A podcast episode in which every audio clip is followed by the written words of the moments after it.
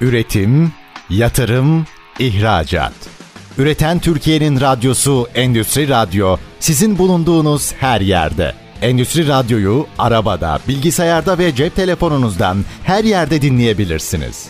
Endüstri Radyo.com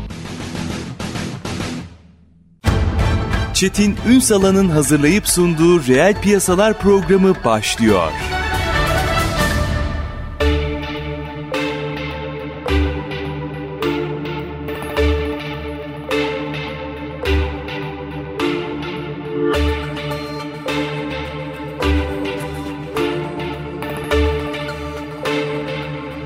Reel piyasalardan merhabalar. Türkiye'nin gerçek gündeminde birlikteyiz efendim. Bugün hepinizin hayatında haşır neşir olduğunuz bir başlığı mercek altına alacağız. Lojistiği konuşacağız.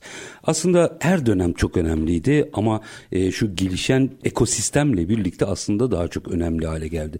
Özellikle pandemide ne kadar kritik olduğu anlaşıldı. Ondan sonra baktığınızda bu alanda da çok ciddi gelişmeler olduğunu görüyoruz.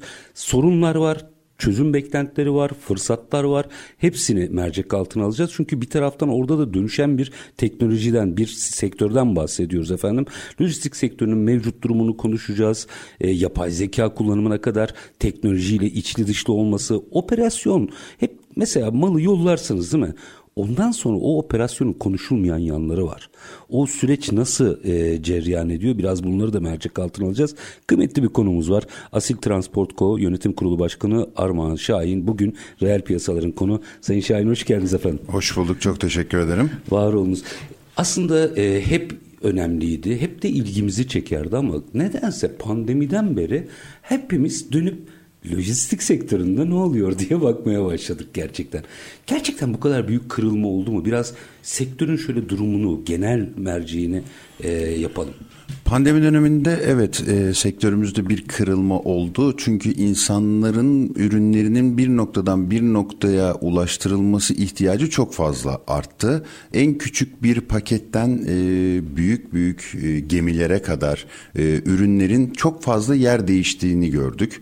Tabii ki bu dönem içerisinde e, uzak doğudan gelen ürünlerin biraz daha önünün kesilmesi gayri ihtiyari önünün kesilmesinden bahsediyorum. İşte limanlar orada bir, kapalı çünkü. E, limanlar kapalı, orada bir virüs var. Acaba aldığım ürünle virüs de bana gelir mi? Korkuları olduğu dönemde evet Türkiye içerisindeki lojistik hareketi çok ciddi bir artış sağladı. E, bunun dışında lojistik derken hep bir ürünün bir yerden bir yere götürülmesi diye düşünüyoruz ama hayır aslında lojistiğin içerisinde ürünün ham maddesinden nihai kullanıcıya kadar giden birçok süreç mevcut. E, bu süreçleri komple ele aldığımızda e, bu hareket gerçekten çok fazla artmış oldu. Çok fazla e-ticaretin gündeme gelmesiyle birlikte B2C ile birlikte anılır hale geldi. Yani biraz kargo ile karıştırılır hale geldi mesela. Evet öyle bir nokta var. E, aslında yaptığımız iş kargo taşımacılığı değil. Evet e, e-ihracat veya e-ticaret taşımalarında kargoculuk mantığıyla bakıldığı doğru ama bunun altında depolama mevcut. B2B bunun taraf altında, çok ağır. Tabii ki bunun altında e, müşterilerimizin e, ham maddelerinin e, depolaması, onlara vakitli bir şekilde üretime yetişecek şekilde fabrikalarına gönderilmesi ve bu ürünlerin bittiği anda da ambalajlarının fabrikalara ulaştırılması, ambalajlanması birçok süreç geçiyor. Ama genel kanı lojistik dediğimizde benim bir tane ürünüm var bu buradan buraya gidecek. İşte lojistik olduğu gibi bakılıyor ama öyle değil. E, o yüzden de pandemi döneminde e, bu ihtiyaç çok fazla arttı. Artmasına yönelik de biz Türk lojistikçileri olarak da genç, dinamik bir yapıya sahibiz. Daha çok rol almaya başladık. Daha çok rol almaya başladığımızda ülkemizin ihracatçısına artı bir destek sağlamış oldu. Burada baktığınızda hep bir ideal konuşulur. Yani Türkiye lojistik sektörünün hub'ı olabilir, merkezi olabilir. Bununla ilgili çok büyük bir potansiyelimiz de var. Çok bunu kabul doğru. ediyorum. Ee, ama yapmamız gereken bir şeyler de var. Galiba bunu da konuşmamız gerekiyor. Yani sırf jeopolitik konumuzdan dolayı hub olamazsınız. Bir yere kadar geldik ama bir kırılma gerekiyor sanki bir yerlerde. Ne yapmamız lazım? Ben şöyle düşünüyorum. E, yerli üretimleri kullanmamız gerekiyor. Biz lojistik sektörü olarak çok dışa bağlı bir sektörüz. Kullandığımız araçlar ithal araçlar. Hı hı. E, kullandığımız lastikler ithal lastikler. Yani aslında ithalatı yönelik bir sektörüz.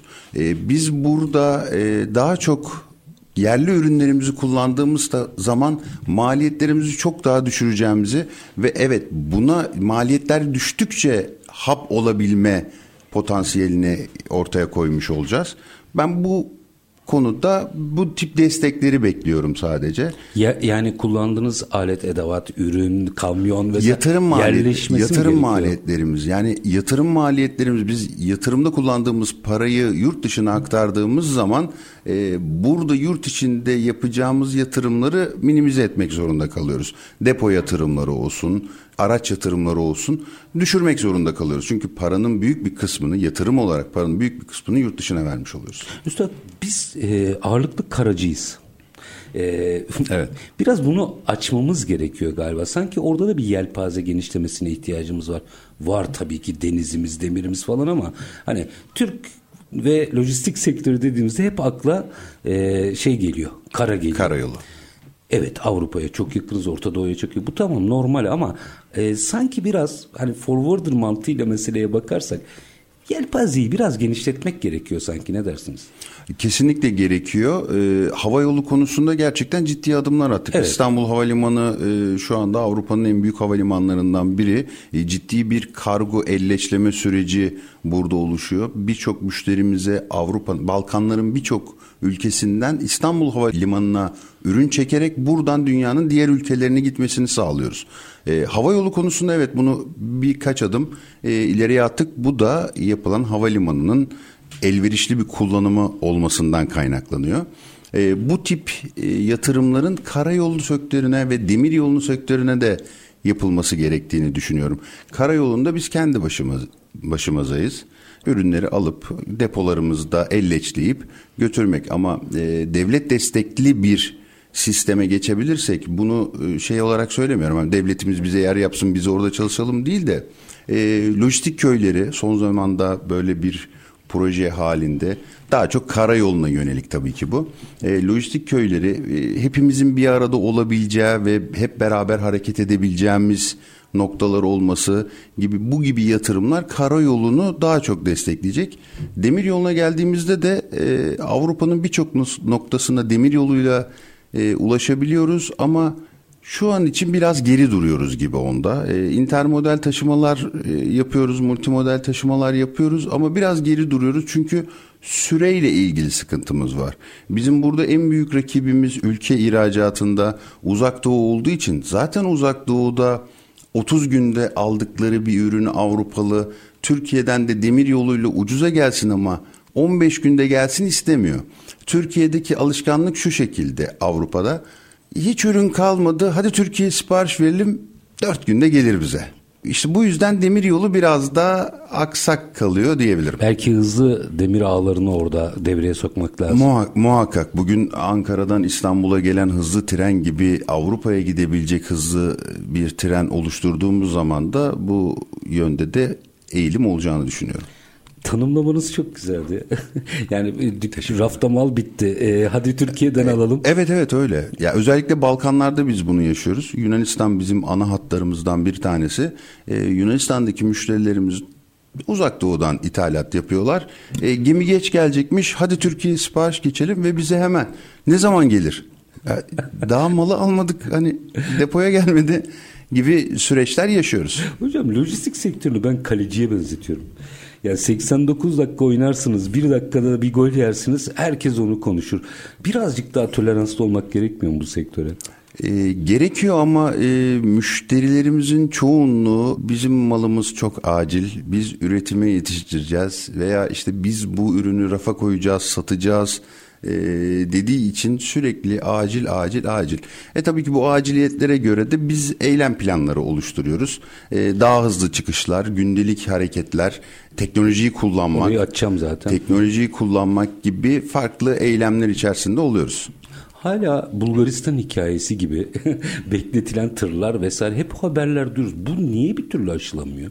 Orada bir rekabet var. Yani bu siyasi olamaz. Burada iktisadi bir rekabet var ama Kesinlikle. rekabeti çözemiyorum bir türlü. Kim bize bu engellemeyi yapmaya çalışıyor? Avrupalı nakliyeciler diyelim. Hmm. Bu engelleme yapmaya çalışan. Çünkü gerçekten çok genç bir kadromuz var. Araç yaşlarımızdan tutun e, çalışan personellerimize çok genç ve dinamiyiz önümüz açıldığı zaman nelerle karşılaşacaklarını biliyorlar ve buna göre farklı yöntemler kullanılarak evet önümüze set oluşturmaya çalışıyorlar ama e, dediğim gibi biz güçlüyüz ve bu setleri kırıyoruz. Yani biraz tarife dışı engel diyebiliriz onları anladığım Ya kadarıyla. bir şeyini bulup e, yolunu bulup hani bu böyle yapılması lazıma getiriyorlar ama biz bunu bir şekilde aşıyoruz. Peki e, yine teknolojiyi e, ağırlıklı açacağım. E, çünkü bu aynı zamanda birçok açılım var. Yani teknoloji kullanmak var. E, Türkiye'nin marka değerinin lojistik dışındaki sektörlerdeki marka değerine etkisi var. Birçok boyutu açacağım ama şimdi 2-3 dakika sonra bir araya gideceğim. Araya gitmeden önce maliyetler diyeyim. Herkes bunu konuşuyor. Siz ne yapıyorsunuz? Şimdi günün sonunda siz bir şeyi yansıtıyorsunuz. Ama asıl ona neden olan maliyetleri biraz açın ne olur. Maliyetleri biz çok fazla yansıtamıyoruz. İşin gerçeği. Evet yani şu şu dönemde yansıtamıyoruz. Ee, bir örneklemek yap Lütfen. örnekleme yapmak gerekirse e, bir ihale sürecindeyken e, hesaplama yaparken yaklaşık 3-4 gün sürüyor. Çünkü çok ince hesap yapıyorsunuz. Hesaplama yaparken hepimizin malum her gün 1 lira 23 kuruş, 1 lira 18 kuruş akaryakıt artışları bir anda biz e, e, hani buraya kadar çalıştık.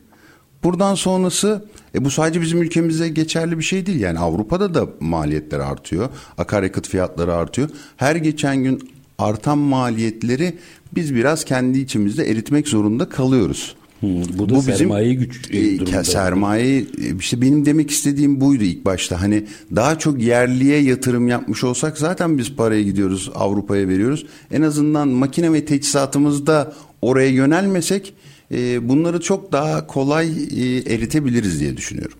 E, belki de burada özel sübvansiyonların mı uygulanması gerekiyor bilmiyorum. Lojistik sektörüne yönelik. Lojistik sektörüne değil ama e, akaryakıtla ilgili ihracata yönelik e, sınır kapısında ÖTV ve KDV olmayan akaryakıt e, alımı yapıyoruz ama bu bazı ülkeler e, litre zorunluluğunu 900 litre tutarken Bulgaristan'a yani diğer ülkelere geçerken bunu alabilirken Yunanistan'da 350 litreyle sıkıntılı hmm. e, kısıtlı. Sınırlı. Bu da bize artı bir maliyet oluşturuyor. Aslında küçük destekler var ama bu desteklerin daha çok artması lazım. Ben lojistik sektörüne destek verilmesi olarak demiyorum ama ihracatı hareketlendirecek destekler her zaman bize de lazım. Hocam ben e, üreteyim, satayım. Gitmedikten sonra kıymeti yok ki. Evet. Yani o yüzden lojistik sektörüne vermem gerekiyor günün sonunda o desteği. Ee, bir araya gideceğim ama araya girmeden önce şunu da yanıtını alayım. Şoför Güzel. e, bunu sorayım. Aranın ardından alalım bu meseleyi. Çünkü işte teknolojiyi kullanabilirsiniz. E, boş gitmeyen araçlar yaratabilirsiniz. Her şey yapabilirsiniz ama özellikle pandemide başlayan İngiltere merkezli başlayan üstelik bir e, şoför problemi e, ayyuka çıktı. Şu anda ne durumda? Bunun yanıtını sormuş olayım. Aranın ardından alacağım ama minik bir ara. Aranın ardından Asil Transport Co. Yönetim Kurulu Başkanı Arman Şahin ile reel piyasalarda sohbetimiz devam edecek. Lütfen bizden ayrılmayın. Üretim, yatırım, ihracat. Üreten Türkiye'nin radyosu Endüstri Radyo sizin bulunduğunuz her yerde. Endüstri Radyo'yu arabada, bilgisayarda ve cep telefonunuzdan her yerde dinleyebilirsiniz. Endüstri Radyo.com Kısa bir aranın ardından reel piyasalarda tekrar sizlerle birlikteyiz. Lojistik sektörünü mercek altına alıyoruz. Asil Transport Co. Yönetim Kurulu Başkanı Armağan Şahin bugün konuğumuz e, kamyoncular. Yani şoförlerden bahsediyorum. Bu iş e, neredeyse hepimizin gözüne bata bata İngiltere merkezli olarak konuşuldu. Sonra buradan şoförler gitti geldi falan. Ne, ne durumda o iş? Şimdi dünyanın genelinde bir sürücü sıkıntısı var. Ee, ama ülkemiz özelinde baktığımızda şöyle bir şey e, söyleyebilirim. Ee, gerçekten zor bir meslek.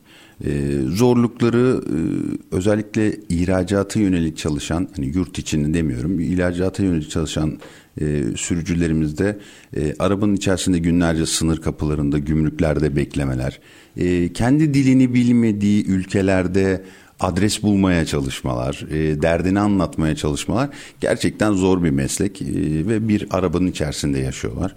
e, zor bir meslek olduğu için eskisi kadar rağbet yok. Hocam araba deyip geçmeyin. Onlar da otelden farksız yani. E, kesinlikle ama e, bazı eksikleri de var, bazı artıları da var. E, sürücü bulmakta sıkıntı yaşıyoruz. Çünkü e, zor olarak bakılıyor. E, kazançlar e, makul seviyelerde. Hani çok büyük paralar kazanıyorlar ya da ya bedavaya çalışıyorlar da diyemeyiz. Makul seviyelerde kazançlar var. E, ama e, gençlerimizin son dönemde e, daha çok bilgisayar üzerinden kazanım sağlama hmm. e, eğilimi eğilimi olduğundan dolayı e, insan gücüyle yapılan e, bütün işlerde evet bir sıkıntı, bir personel sıkıntısı yaşanabiliyor. E, bunun için e, bunu aşmak için neler yapılmalı? E, Birçok yerde bunları dile getirdik. E, meslek liselerinde sürücü eğitimleri, ee, üniversitelerde bunun olabileceğini düşünmüyorum ama meslek liselerinde olabilir. Eğitimli sürücülerin olması ve bunların e, bu sektöre yönelimin arttırılması gerekmekte. Tabii bunun için de işlerini kolaylaştıracak şeyleri de yapmak. Teknolojiyi mesela burada da kullanıyoruz. Eskiden sürücülerimiz dilini bilmediği ülkelerde e, şuraya gideceğim, nereden gideceğim diye dert anlatırken şimdi teknolojiyle navigasyon üzerinden veya e, mobil uygulamalar üzerinden konum atarak e, istediği yere istediği şekilde gitmesini sağlayabiliyoruz. E tabi bu bir etken e, daha kolaylaştı diye bakılabiliyor. Daha da kolaylaştırıp sürücü e, tarafını bu şekilde çözebileceğimizi düşünüyorum. Peki işin teknolojik boyutunu açalım ama sürücüyle ilgili bir şey daha e, söyleyeyim. Belki de biraz mesleğin sevdirilmesi mi gerekiyor? Çünkü ben eski e, lojistikte e, sürücü olarak e, faaliyet gösterenlerin çoğunun da biz yani vardır mutlaka ha ben de bu mesleği seçeyim başka bir sevda ve kültür olduğunu biliyorum. Kesinlikle. Yani o başka bizim, bir şey. Bizim filomuzda da kravatı takılı e, sürücülerimiz vardı. Ya o bir hayat tarzı. Ya ben ben 20 yıllık kaptanım derdi konuşurken. Gurur duyuyordu bununla ama son yıllarda biraz sınır kapalarında siz de haberlerde duyuyorsunuzdur yaşananlar, sürücüler kısmından yaşananlar sanki bu mesleği biraz daha böyle göz ardı edilecek bir noktaya getirdi. Da eski şoförler dediğimiz yani sürücü demiyorum onlar şoför onlar evet, kaptan. Evet. Onlar biraz sanki bu işi pazarlayamadılar gibi geliyor bana. Değil mi? Yani yani bunun güzelliği bu. Hollywood bu filmlerini değil. düşünün. Tabii. Orada bambaşka bir kültürdür o mesela. Belki benzer şeyleri Yeşilçam üzerinden yani şimdi Yeşilçam adı kalmadı ama bizim de e, yapmamız gerekiyor, sevdirmemiz gerekiyor belki de. Biz de elimizden geldiğince e, bu mesleğe atılacak arkadaşlara işte onların nelerle karşılaşacağını ve bu sorunları nasıl çözeceğini göstermeye çalışıyoruz ki bu mesleği sevsinler. Bütün Avrupa'yı gezeceksiniz diyoruz mesela. Günün sonunda aslında onlar olmadan o filoda hareket etmiyor e, işte. E tabii ki. Problem orada.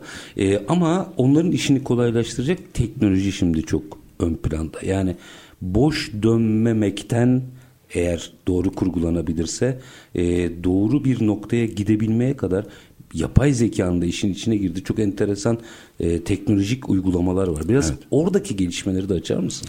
E, sektörümüzde teknolojik uygulamalar çok hızlı ilerledi. E, hızlı ilerlemesi de bize kat kat avantajlar sağlıyor. Uzun yıllardır bu sektörün içerisindeyim. Eskiden elle doldurduğumuz veya aa elle doldurmuyoruz artık daktiloya geçtik diye yazdığımız evrakları bugün e, bilgisayar üzerinden tek bir tuşla alıp bunu e, sürücülerimize iletip onların hız işlemlerini daha hızlı şekilde yapmasını sağlayabiliyoruz. Sürücülerin elindeki e, navigasyon sistemleri e, veya e, araçların üzerine konulan yüklerin işte bu da bir teknolojik altyapıyla gelen e, dingil dingil tartımlarını gösteren sürücü ekranları, aa ben burada sıkıntı yaşarım mı görüp yüklemeyi ona göre organize etmesi. Teknoloji birçok alanda kullanıyoruz. En güzel tarafı operasyonel süre, süreçlerimizi hızlatması, hızlandırması oluyor. Orayı Evra- biraz açar mısınız? Az önce anlattığım gibi tek tek elimizle yazdığımız evrakların Ha, tek o bir operasyon. Ben Evet, evet. şey iş alma iş vermeden E, bahsediyorum. İş alma iş vermede şöyle bir e, artısı var. E, geçmiş dönemlerde baba zamanından hatırladığım işte fax gelecek, telex gelecek. Bunlara cevap vereceğiz. E, Ölçüleri neydi ürünün gibi birçok zoraki süreçler telefonla sürekli iletişimde olmaları e, teknoloji burada en basiti hani çok eskide kaldık artık ya bu teknoloji değil dediğimiz mail bile bunu çok hızlandırdı. Anlık bilgi alışverişi sağlayabilmek ve dünyanın her yerindeki insanla anlık iletişim sağlayabilmek bize çok fazlalar kattı. Ee, şoförler ile operasyonun iletişimine bakınca eski zamanlarda şoförlerle iletişimimiz yoktu. Şoförler belli noktalara not bırakır buradan geçtim geçmedimdi. Şimdi yine bilgisayarımızı açıp aracın nerede olduğunu, kaç kilometre hızla gittiğini, ne kadar yakıt yaktığını bunu sadece operasyonu şoförü bir yerden bir yere yönlendiren arkadaş değil Filodeke operasyoncu da bunu görebiliyor. Aracın yakıtı fazla yakıyor. Bunun sebebi nedir? Maliyetleri düşürmek adına Aa evet bunun bakımı geçmiş veya bir arızası var gibi her şeyi bu teknolojik altyapı üzerinden görüp takip edip önceden müdahale edebiliyor. Bu da bizim maliyetlerimizi düşürüyor. Bu yüzden teknolojiye her zaman e, yatırım yapmak istiyoruz. Araç yatırımından önce teknolojiye yatırım yapmak istiyoruz ki teknoloji bize daha fazla fayda sağlıyor. Ee, yüklerin, araçların gidip boş dönmeme gibi e, teknolojiler ise evet son dönemde böyle uygulamalar çok fazla artmaya başladı. Uygulamalar üzerinden nerede ne yükleme var, ne bulabiliriz gibi birçok şey bilgiyi edinebiliyoruz. Bunu da eskiden nasıl yapardık? Yine sürücüye düşen bir yüktü. Avrupa'da değil ama yurt içi nakliyelerde düşündüğümüzde Anadolu'ya bir yere bir araç gönderdiğimizde nakliye ambarlarına şoföre git de bak bakalım nerede yük Var mı? Var diye dediğimizde şoförler hep şey derdi. Of şimdi dolaş dolaş dolaş da yük bulayım. Evet teknolojiyi burada kullandık işte sürücülerin üzerindeki bir yükü daha aldık. Ee, çeşitli uygulamalar üzerinden nerede bize uygun bir yük var mı, e, yük paylaşımı var mı bunları görüp iletişim kurup bu yükü şoförü hiç e, düzenini bozmadan kapı kapı dolaştırmadan e, bu yükü alıp herhangi bir noktaya götürebiliyor nakliyeciler. Tabii biz işin e, yurt içi tarafında fazla olmadığımız için orada yaşanan çok daha değişik sıkıntılar vardır ama biz genelde e, Balkanlar ve Avrupa'ya tarafındaki sıkıntıyı görüyoruz. E, bunları da bu şekilde dile getiriyoruz. Orada e, bunu yapabilmek mümkün oluyor mu? Yani şimdi şöyle hepiniz herkes hatırlayacaktır. Herhalde 10-15 yıllık oyundur. Yani e, bilgisayar oyunu bunu oynardık zaten. Hala da oynarız bu arada. Yeni versiyonları da çıkıyor. E, orada gidersiniz malı bir yere teslim ettiğinizde tık diye e, oyunda yani bahsediyorum. Yeni iş gelir. Siz yeni işe gidersiniz. Avrupa'nın her yerinden mal e, bir şekilde sipariş alır ve götürürsünüz. Şimdi bu oyunda olabiliyorsa gerçek hayatta olamaması mümkün olmaması Keş, gerekir. keşke o kadar kolay olsa. Nedir hikaye? Biraz açın. Ee, burada şeye dönüyor olay. Evet biz buradan Avrupa'nın herhangi bir ülkesine malzemeyi götürüyoruz. Ee, örnek vereyim Belçika'ya bir tır malzemeyi götürdük. Kapı kapıda malzemeleri dağıttık. Sonra arabamız boşa çıktı. Biz Belçika'dan Yunanistan'a yükleme yapamıyoruz. Sebep? Ee, belgelerimiz yetersiz olduğu için. Avrupa'da sistem biraz farklı. Semt belgesi, UBAK belgesi dediğimiz defterler var. Bu defterlerle üçüncü ülkelere yani biz Türk firmasıyız Türkiye'den bir ülkeye gittik tekrardan Türkiye'ye geri gelmek zorundayız. Bu belgeye sahipseniz üçüncü bir ülkeye yükleme yapabilirsiniz. Bu da ülkemizde sınırlı sayıda olan bir belge. Herkes bu belgeye sahip olamıyor. Bazı ülkeler bu da ülkelere göre sınıflandırılmış. En değerli ülkeler İtalya, Rusya, Yunanistan, e, Avusturya, Macaristan. E, diğerleri de ayrı bir sınıf gibi. Bu üye olmadığımız için mi oluyor? Hayır, hayır, hayır, Ne, hayır. Nedir hikaye? Ee, ya o belge çok mu ağır bir şey? Nedir? Ağır bir şey değil aslında. Bence burada biraz dağıtımı e, sıkıntılı. Biz çok genç bir filoyuz. Avrupa'nın belli standartları var. Ona göre bu belgeleri veriyor. Belli belge sayısı belli. E, bakanlığımız da bunu firmalara, çalıştığı ülkelere ve gösterdiği performansa göre dağıtım yapıyor. Ama tabii ki her arabada bu belge olmuyor. Olmayınca da buradan Belçika'ya gittiysek Belçika'dan geri Türkiye'ye gelmek zorunda kalıyoruz. Hocam bu çok büyük bir maliyet. Tabii ki. Ee, yani peki oradan en azından bir Türk firmasından geri dönüş yani O araç boş mu dönüyor buna? Hayır boş lazım. dönmüyor. Ha. Boş dönmüyor. Tabii ki ithalat yüklemesi yapıyoruz. Ama tabii yaptığımız her ithalat yüklemesi istediğimiz rakamlarda olmuyor. Bir de konteyneri tam dolduruyor mu doldurmuyor mu hikayesi? Genel var. genellikle dolduruyor. Burada şeye dön, yöneliyoruz. Güçlü acentalarla çalışmaya yöneliyoruz Avrupa'da. Ee, Belçika'da güçlü bir acentanız olduğu zaman e, size aracınızı doldurabilecek yükü, kapasiteyi sağlayabiliyor.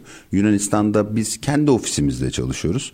Ee, Yunanistan'daki organizasyonumuz ayrı. Burada bütün arabalarımızın zaten programlaması yapılıp geliyor. Bütün nakliye firmaları, lojistik firmaları bunu bu şekilde yapmaya çalışıyor. Yani buradan tamam ya işte Yunanistan'a yük var göndereyim arabayı bakarız dönüş yükü bulabilir miyiz değil. Çok dönüş şey. yükünü, dönüş yükünü önceden planlayarak organize olmak zorunda kalıyoruz. Çünkü bu şoförün de işine gelmez. Tabii ki yani dönem dönem e, uzun süreler o ülkelerde kalmaları gerekebiliyor. E, kalmanın da bir maliyeti var değil mi? Tabii ki. Ya birincisi araçların sigortaları her gün işliyor. Park paraları her gün işliyor. Avrupa'da e, bizde Çok olduğu gibi çok çok yerlerde görürsünüz bizde bir kenarda durmuştur. Avrupa'da öyle bir imkanımız yok. Ha, çok büyük cezalarla karşı. Temin kenarında dursanız Tabii Avrupa- tabii ya tabii park paraları işte şoförün günlük maliyetleri bunlar hepsi bize artı maliyet katıyor. Orada yine teknolojiye dönmek istiyorum. E, baktığınızda yapay zeka ne kadar dahil oldu işlere? Bence şu anda yeteri kadar değil. Ee, sanırım bunun için de biraz zaman gerekiyor. Ee, biraz da bizim yapay zeka yazılımları yapan kişilerin biraz da bizim sektörümüzü anlaması gerekiyor. Biraz kapalı kutu bir sektörüz. Ee, ilk başta da söylediğimiz gibi bir malım var buradan buraya gitti gibi bakıyoruz. Ama hayır çok fazla Operasyon var. operasyon var. Bu operasyonları tamamen anlayıp veya hatta keşke olsa da lojistik sektörü içinden biri buna e, bu yazılımı yapsa çok daha güzel olur. Sanırım biraz daha zaman var yapay zeka ile ilgili. Otonom sormuyorum bile. Şu an için çok zor. Hayal gibi değil mi? Ya ve şey ben hep hayalim bu diyorum ki buradan koordinatları girsek de araba oraya gitsek. Evet araba gitti kapakları kim açacak? Evet. Yine bir birey olacak yani. Yine bir birey olması Onu da gerekecek. robot, robotlarla yaparız diyecekler ama sanki bu işi öyle bir iş değil. Değil. Değil. Gerçekten insan gücü insan gücü derken hani bir şeyi kaldırmak değil. Ee, insan gücü ve insan zekasına çok ihtiyaç var bu sektörde. Paletlerin veya kolilerin yüklenmesinden tutun e, bunların tahliye sıralamasını yapmasına kadar. Çünkü öyle bir şey ki bir hava dolu bir e, dorsenin üzerinde körüklerinde hava var bunun. 5 tonluk 6 tonluk bir paleti bir yerden istediğiniz gibi alamazsınız önce buraya zarar vermeyecek, hava dengesini sağlayacak ürünü almanız lazım. Sonra bu ürünü almanız lazım. Ondan sonra onu almanız lazım. İşte burada insana ihtiyaç geliyor. Sadece yapay zekalarla olacak olarak değil. baktığınızda bir gemi kaptanıyla aynı şeyi yapıyorlar. Evet. Ya onların da Çok dengeleyerek çok doğru. O da lazım o da ya. yükleri dengeleyerek aldığı gibi kaptan da yükleri dengeleyerek alması lazım. Bu kısa mesafelerde şey yapılabiliyor. Kontrol edilebiliyor. Hani ya tamam arka tarafta olsun ama garaja gidiyorum zaten orada düzeltirim ama uzun mesafeye döndüğü zaman ciddi sıkıntılar, kaza riskleri de oluşturabiliyor. Peki şu geri dönüşlerde birbirimizi ne kadar destekliyoruz yurt dışında? Aslında Türk lojistikçileri olarak birbirimizi çok fazla desteklememiz gerektiğini düşünüyorum. Ama orada biraz böyle rekabetçi yapı ortaya çıkıyor. Bazen doğru ama bazen yanlış. Ee, bir, bir havuz oluşturup burada arabalar var ve burada yükler var. Bunları birbiriyle eşleştirmemiz evet bize maliyet açısından çok fayda sağlayacak bir şey ama maalesef ki biz onu yapamıyoruz. O zaman ölçeği de kaçırmıyor muyuz? Kaçırıyoruz. Yani çünkü bu böyle bir organizasyon bize çok daha fazla iş verebilir. İş verebilir, e, işin dışında karlılık sağlayabilir.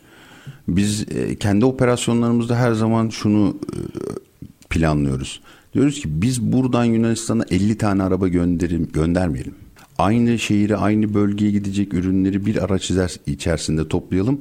50 araçlık yükü biz 20 araçla gönderelim. Bu da bizim karlılığımızı arttırsın. Sonuçta kestiğimiz faturalar aynı rakamlar. Tabii. Karlılığımızı arttırsın.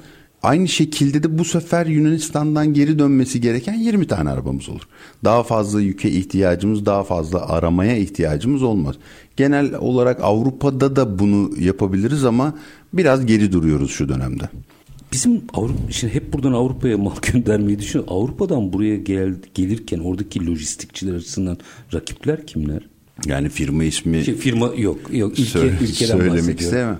Şu anda e, ithalat konusunda sanırım Avrupa'dan en çok ithalatı yapan ülkelerden biri biziz. E, çünkü hem ham maddesinden tutun hem de bitmiş ürünlerden hepimizin üstünde mutlaka İtalyan bir giyim markası vardır. E, bu bir ithalat demek. Sanayi konusunda Almanya gerçekten çok iyi. E, sürekli bir ithalatımız var. E, sanırım Avrupa'da ithalat Avrupa'dan ürün alan konusunda Hayır, hayır ben buradaki firmaları kastetmedim. Avrupa'daki lojistikçilerden Türkiye'ye iş yapıp bize rakip olan var mı? Var, var. Onu kastettim zaten. Var olmaz olur mu işte e, bizim önümüze nasıl geçiyorlarsa biz de onların önüne geçmeye çalışıyoruz. Ama Avrupalı nakliyeciler için Türkiye gerçekten şey değil. Güzel bir pazar değil. Sebep? Çünkü az önce bahsettim ya Belçika'ya gitmiş bir arabamıza biz Yunanistan'a yük alamıyoruz diye. O alabiliyor. Ha, gerek yok Türkiye'ye gelmesine. Tabii ki o Belçika'dan Yunanistan'a yüklüyor. Yunanistan'dan Romanya'ya yüklüyor. Romanya'dan İtalya'ya yüklüyor. İtalya'dan e, İspanya'ya yüklüyor. O istediği gibi Avrupa Birliği aracı olduğu için istediği ülkelerde istediği gibi dolaşıyor. Gelip de Türkiye günlerce sınır kapısında beklemek istemiyor. E, mevcuttaki yabancı plaka burada gördüğümüz araçlar daha çok bireysel araçlar. Hmm, filolara ait değil yani. Yani evet bir, fil- bir filoya ait ama 10 araçlık bir filo Ee, ve bakın mutlaka arkasından bir Türk çıkar o filonun. Oradaki Türkler. Evet, oradaki Türklerden yani Osmanlı döneminde Balkanlarda kalmış Türklerden mutlaka biri çıkar. Ee, o yüzden hani Türkiye'yi sevdikleri için hani bir tür bir ayağımız Türkiye'de olsun isteğinden kaynaklı. Ama diğer e, faktör nedeniyle öyle Türk e, pazarı çok da cazip değil. Oradaki lojistikçi açısından diyorsunuz. Evet, tabii. İçeride kısa mesafe çok daha iş Kısa yapıyorlar. mesafe ve evrak prosedürleri yok, gümrükleme yok. e, sınır geçişi yok. E, Birçok avantaj sağladığı için e, Türkiye onlar için bir dezavantaj olarak gözüküyor. E, bu, bu bakımdan bizim adımıza iyi de. E, Yama çileyi sadece biz çekeriz. Evet yani ondan bahsediyorum. Keşke biz de orada bunu yapabilsek bu operasyonu kendi Evet. içlerinde. Ee, belki bu konuyla ilgili ders çalışmak gerekiyor. Ee, hem sektörün hem bakanlığın bilmiyorum. Evet Ee, sektör temsilcileri muhatabı- ve bakanlığımız bununla ilgili çok uğraşlar veriyorlar sağ olsunlar. Umarım da en kısa sürede e, bir çözüme ulaştırırız. Peki şimdi bir araya gideceğim. Aranın ardından şeyi biraz somutlaştıralım mı?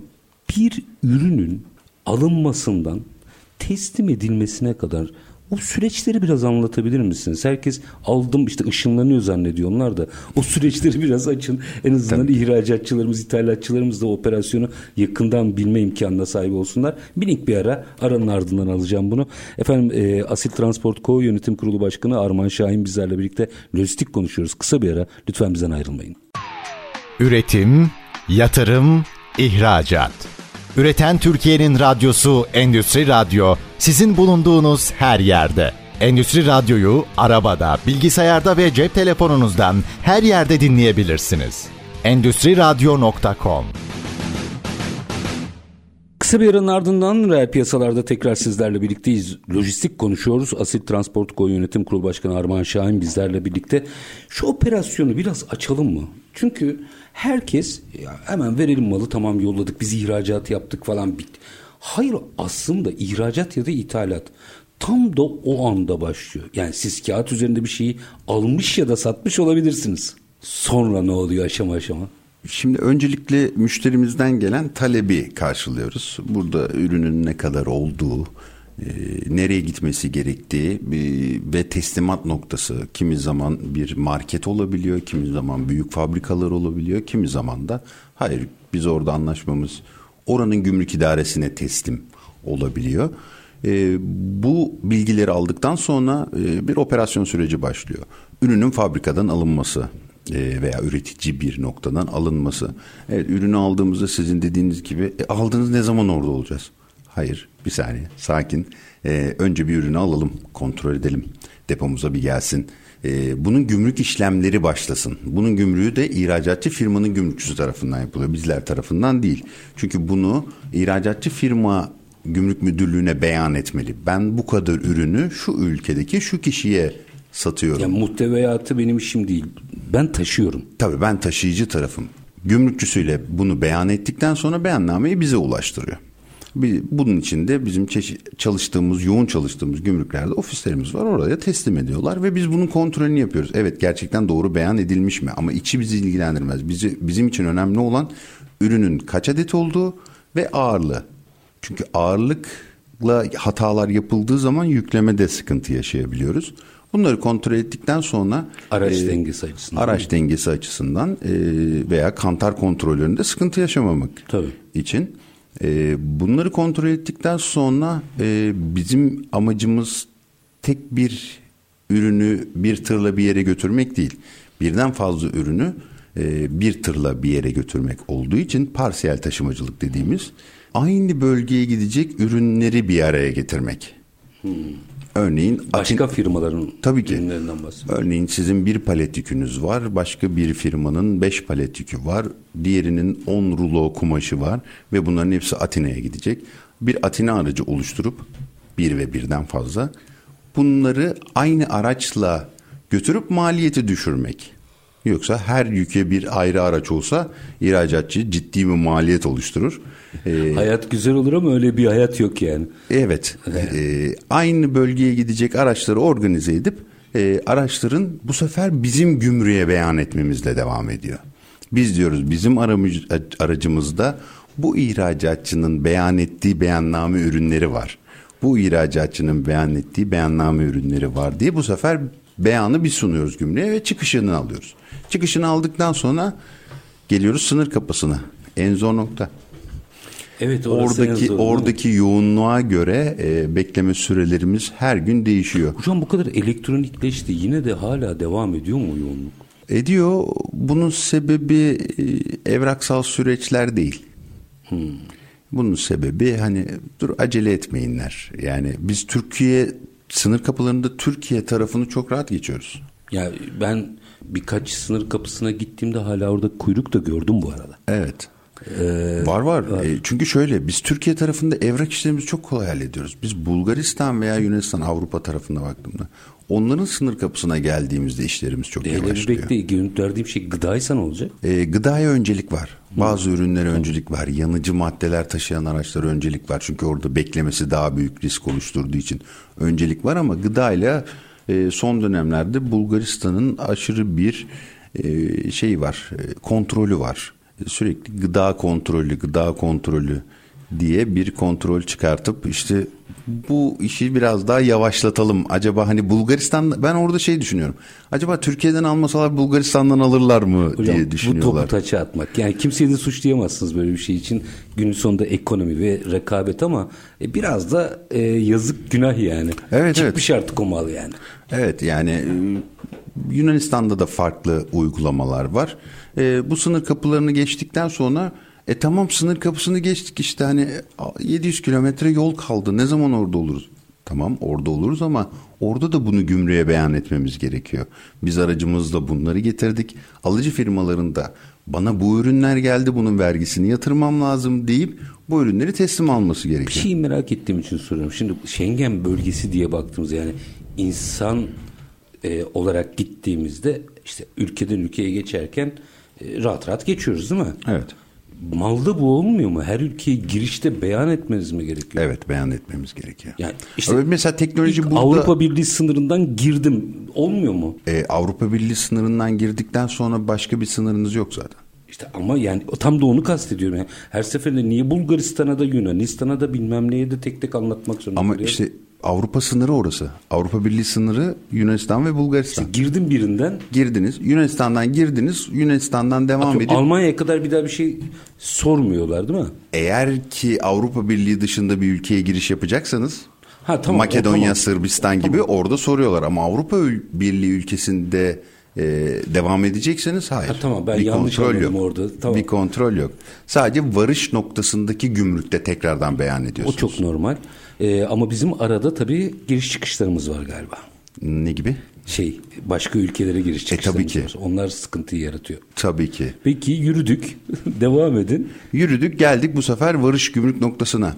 E, müşterimiz tabii burada yine şey diyor. E geldiniz hadi verin malı.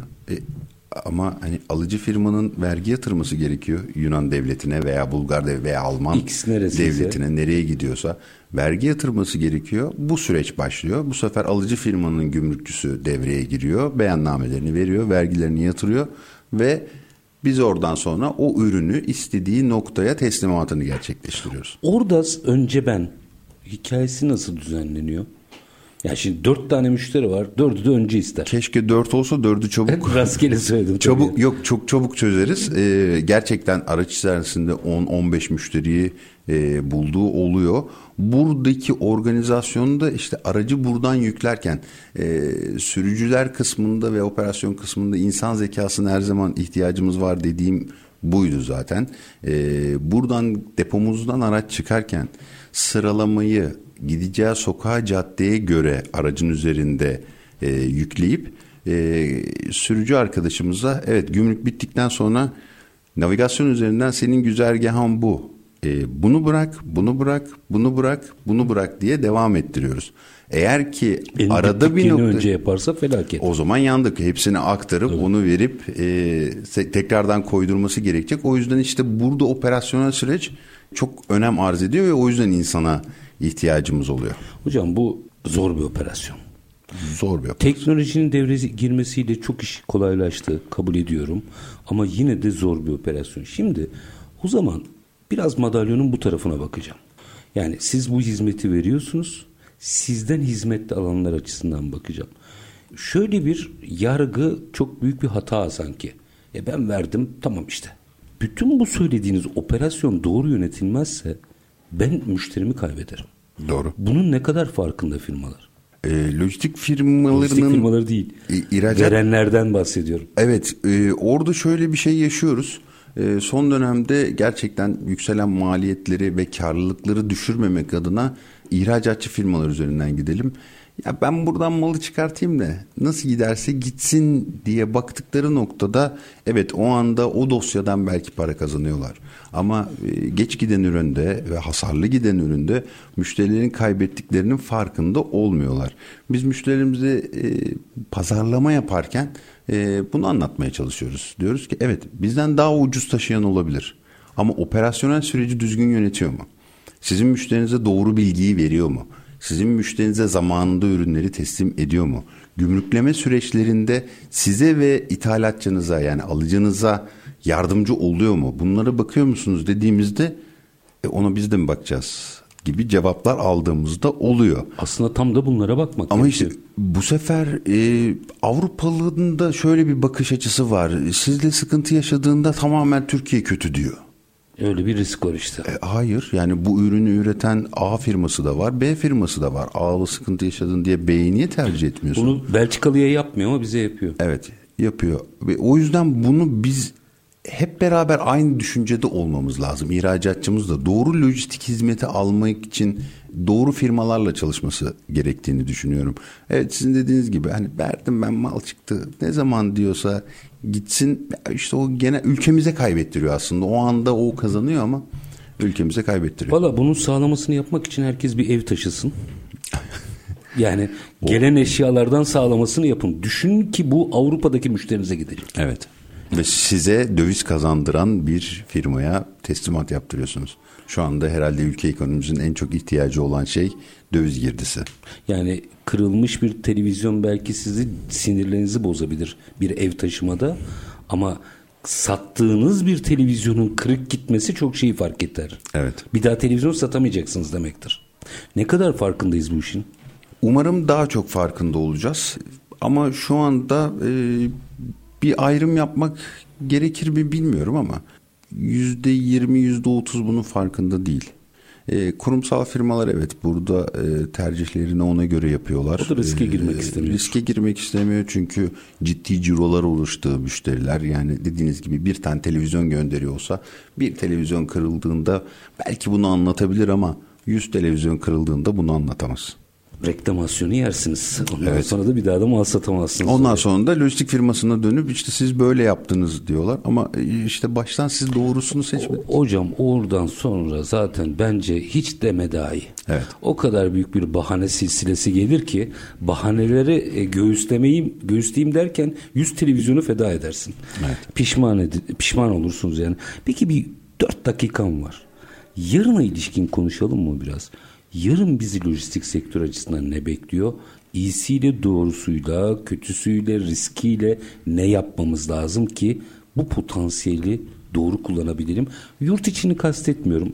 Ona ekleyeceğiniz bir şey varsa ne olur yapın ama e, yurt dışı demek sizlere her biriniz gittiğiniz noktalarda aslında Türkiye'nin ihracatı ya da ithalatının temsilcilerisiniz. O açıdan burada sizin gördüğünüz fotoğraf, önerileriniz, tespitleriniz benim için çok kıymetli. Ne olur bu tarafı verin. E, lojistiğin yarını ilgili düşüncelerim şöyle. Çok güzel şeyler olacağını düşünüyorum. Gerçekten daha önce de söylediğim gibi e, genç, dinamik, yapmaya hevesli bir ülkeyiz ve sektörüz. Bu bize çok fazla artık atacağını düşünüyorum. Bunun teknolojiyi daha çok entegre etmemiz gerektiğini yani yarının daha güzel olması için teknolojiye çok ciddi yatırımlar yapmamız gerektiğini düşünüyorum. Çünkü teknolojiden uzak kaldığımız sürece boğulur gideriz. Ee, ve e, Avrupa yönünde baktığımızda Avrupalı gerçekten teknolojiyi çok seviyor. Ee, bazı ürünleri teknoloji aplikasyonlar üzerinden almayı, talep etmeyi çok seviyor. Biz hep e, lojistiği düşünürken bir fabrikanın başka bir fabrikaya sattığı ürün gibi düşünüyoruz ama hayır. Bu lojistiğin içerisinde evde sizin benim gibi oturmuş insanların telefonlarından aldığı alışveriş de var. E, bu alışverişi ne kadar çok yaparsalar o ürünlerin ham maddesini taşımakta, o ürünlerin bitmiş halini taşımakta bize kalıyor. Lojistiğin yarınına dokunacak nokta bence teknoloji e, ve eğitimli personel. Eğitimli personel konusunda baktığımızda üniversitelerimiz güzel e, şeyler e, çalışmalar yapıyorlar. E, dönem dönem bizlere de gelip hani öğrencilerimize lojistikle ilgili bilgilerinizi aktarır mısınız diyorlar. Depolarımızda, sahalarımızda, ofislerimizde biz onları ağırlıyoruz, anlatıyoruz. Çünkü eğitimli olmak çok daha iyi. Çünkü lojistik sektörü son 10 yıl 15 yıl içerisinde eğitimli personele döndü. Önceden bildiğimiz üzere e, bu iş alaylı dediğimiz insanların yaptığı bir sektördü. Şimdi daha çok eğitimli personel, e, teknolojiye yatırımlar, araçlara yapılan doğru yatırımlar, yani taşıyabileceğiniz yüke göre araç yatırımı yapmak. E, bunlar lojistiğin yarınına etki edecek. Bir de noktalar. galiba e, işin yönetim kurulları düzeyinde de gençleşti sektör. Evet. Son 15 yılda. Evet şu anda e, çoğu lojistik firması ikinci jenerasyonda. Hmm. E, uzun yılda yıllardır devam edenler. ikinci jenerasyonda, üçüncü jenerasyonda e, gençleşmesi e, evet sancılı dönemler oluyor yönetim kurulları açısından. Çünkü alışıla gelmiş bir düzeni bozmak bizim de yaşadığımız bazı şeyler Çok da doğal oldu bu. tabii ki. Çok doğal. Bunu e, anlatabilmek, bunu e, yönetebilmek biraz sancılı dönemler geçiriyor ama işin sonunda e, dünyanın gidişatına göre evet teknoloji kazanıyor. Buna ihtiyaç olduğu ortaya çıkıyor. Üstad çok teşekkür ediyorum. Aslında ben burada e, çok büyük bir potansiyel var ama hep biz lojistik dediğimizde işin nedense hep yurt içi çok daha fazla konuşulur halde ama asıl operasyon yurt dışında. Çünkü siz her gittiğinizde Türk bayrağı taşıyorsunuz. Çok doğru ve içindeki mallar sizden e, size e, teslim edilmiş vaziyette. E, bu açıdan baktığımızda belki önümüzdeki süreçte sektörlerle lojistik sektörün çok daha içli dışlı, ortak çalıştaylar yaptığı, ortak stratejiler son, son dönemlerde başladı. Umarım ha, bu güzel. çok daha ileriye gider diye düşünüyorum. Çünkü lojistik sektörü her sektörü etki eden ve her sektörden etkilenen bir sektör. O yüzden e, hani biraz merkezde durması gereken sektörlerden biri.